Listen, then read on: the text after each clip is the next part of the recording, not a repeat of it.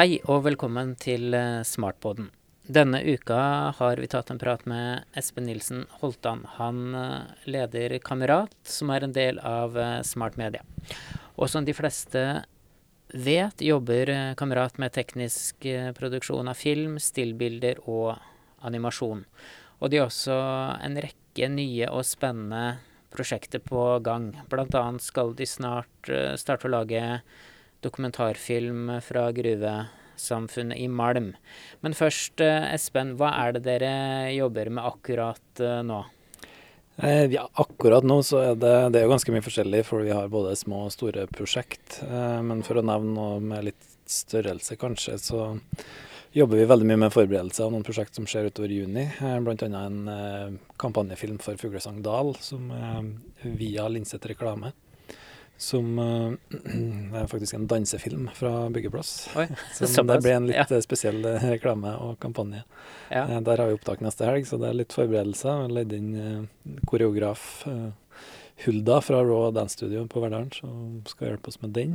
Ja. Hvordan i all verden får du sånne oppdrag? Nei, det gikk vel egentlig akkurat den der. gikk når Linseth hadde dialog med kunden fra før, og det var en annen idé i bunnen for en kampanjefilm. Og så var Magnus og Ole med ut på en befaring og plutselig hadde endra seg til noe helt annet. For at de så noen muligheter når de var ute, og ja. hadde lyst til å gjøre noe som var helt annet enn det de egentlig tenkte. Men eh, det blir da. Det ble et utsatt opptak pga. Uh, nedstenging av samfunnet, men nå nærmer det ja. seg. Ja. Eh, og gjennom uh, koronatida så har det jo vært stort behov for streaming. Har det behovet vært enda større nå enn vanligvis? Ja, det har, det har, absolutt vært økende. Ehm, det starta litt roligere, fordi at vi med de arrangementene som vi ofte gjør produksjoner for og sånn, så ble det litt utsatt og, og avlyst òg en del. Det var en del opptak som ble utsatt. Men eh, det, det med streaming skjønte vi jo at det kom til å bli uh, mer behov for, da.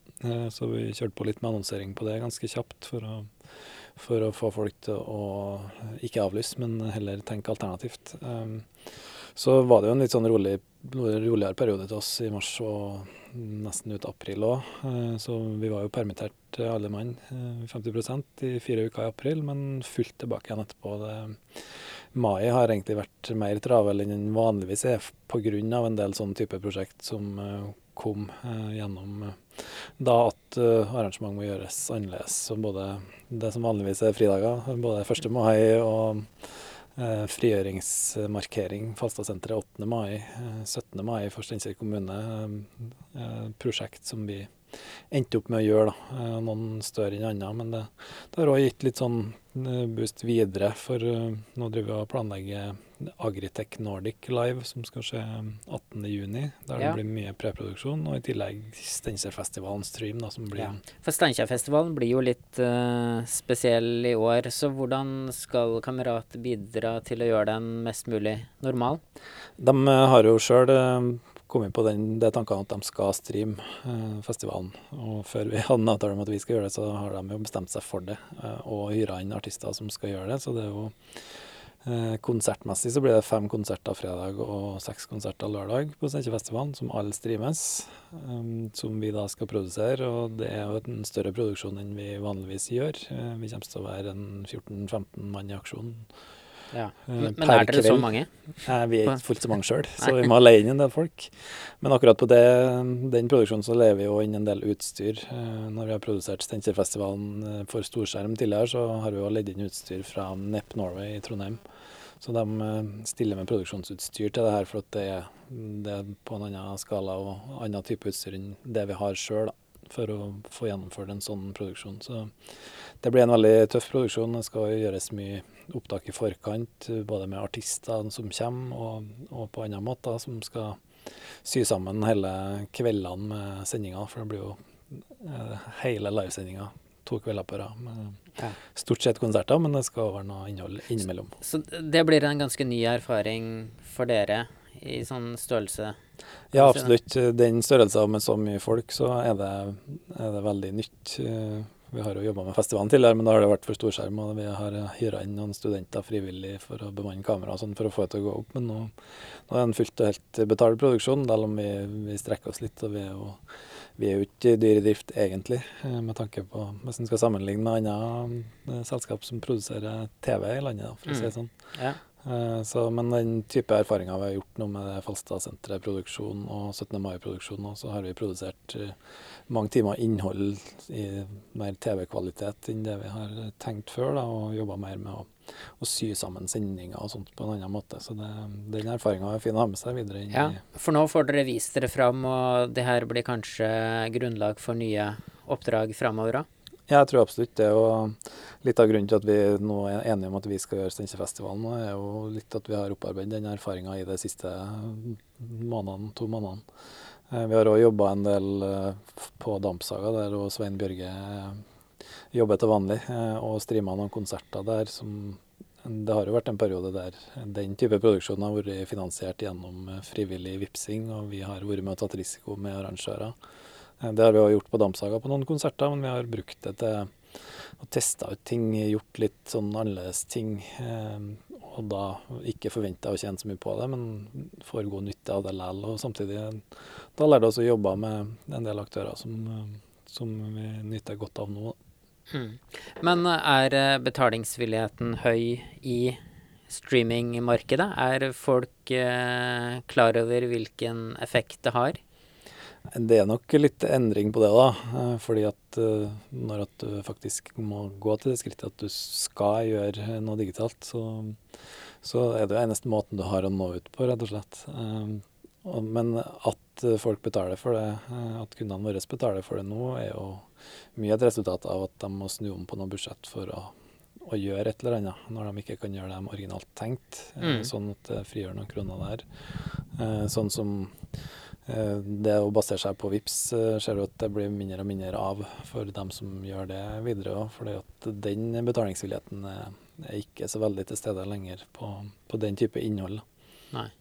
Det, vi har jo et uh, annet eksempel med noe vi har vært med på flere runder. Det er Jegerpodden live ja. som vanligvis er en podkast, eh, og gjør noen liveshow med publikum som de ikke kunne gjøre i denne perioden. og Der uh, har vi vært med tre runder nå, og det, det, er jo en sånn tydelig Der har vi gjort det for å ha litt sammenligningsgrunnlag òg, men det er jo en tydelig nedgang på den frivillige vipsinga fra, fra, første, som var veldig bra, og vi fikk fullt betalt for vår produksjon. Mm. Da var med Jens Kvernmo live via Skype fra Canada, som var en, en type greie som vi prøvde ut da, og som vi har gjort litt i forskjellige former etterpå, og ha med gjest på den måten. Så ja.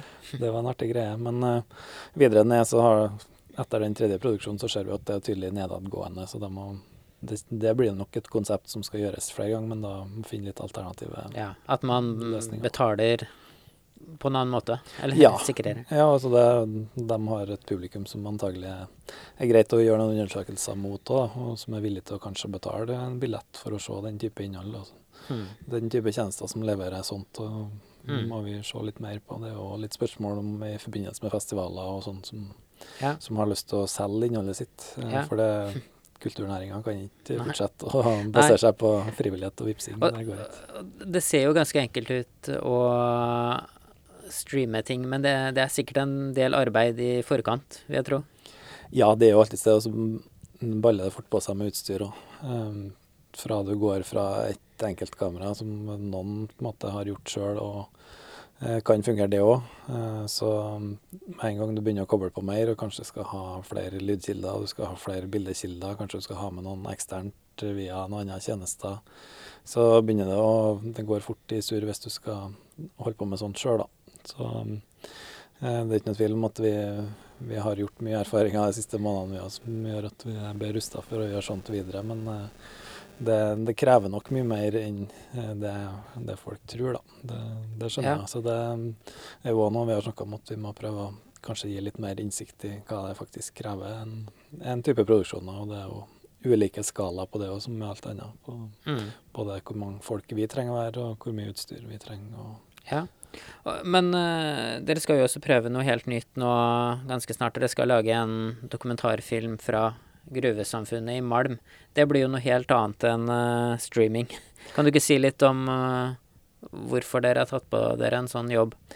Ja, akkurat det med dokumentar er jo noe som vi har, flere har tenkt på over tid og kanskje prøve å realisere på et eller annet tidspunkt. Um, her har vi jo søkt om utviklingsstøtte til Midtnorsk Filmsenter nå Det fikk vi jo innvilga i mars. Det er første gangen vi gjør det òg, at de tør å satse på en ny aktør. og stoler på at det er noe vi kan gjennomføre og har litt tro på prosjektet. og Veldig fint å ta med seg det òg.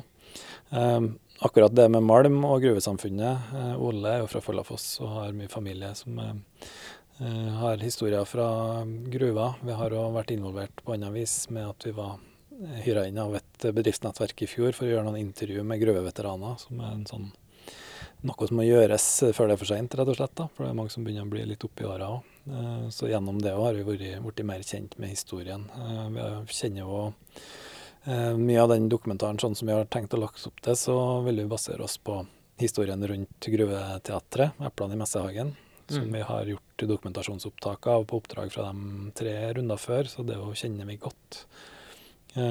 Og det å fortelle noe fra malmsamfunnet vi vet jo ikke helt hva vi vil fortelle ennå. Det er jo litt det vi, den prosessen med utviklingsfasen eh, skal gi oss noe svar på. Eh, men det handler jo om at det er en stolt historie, men samtidig en mørk historie med mye konflikt. Og det er jo ofte det du trenger for å, å få til en god film i enden. Mm. Så vi har jo lyst til å både bruke folk som er der i dag, men kanskje òg forhåpentligvis finne noen som flytta ut fra Malm pga. konflikt og ikke har vært tilbake etterpå. Kanskje få dem dit, kanskje få dem til å se teaterstykke som, å gjenoppleve historien på en helt annen måte. Og når blir det mulig å se filmen?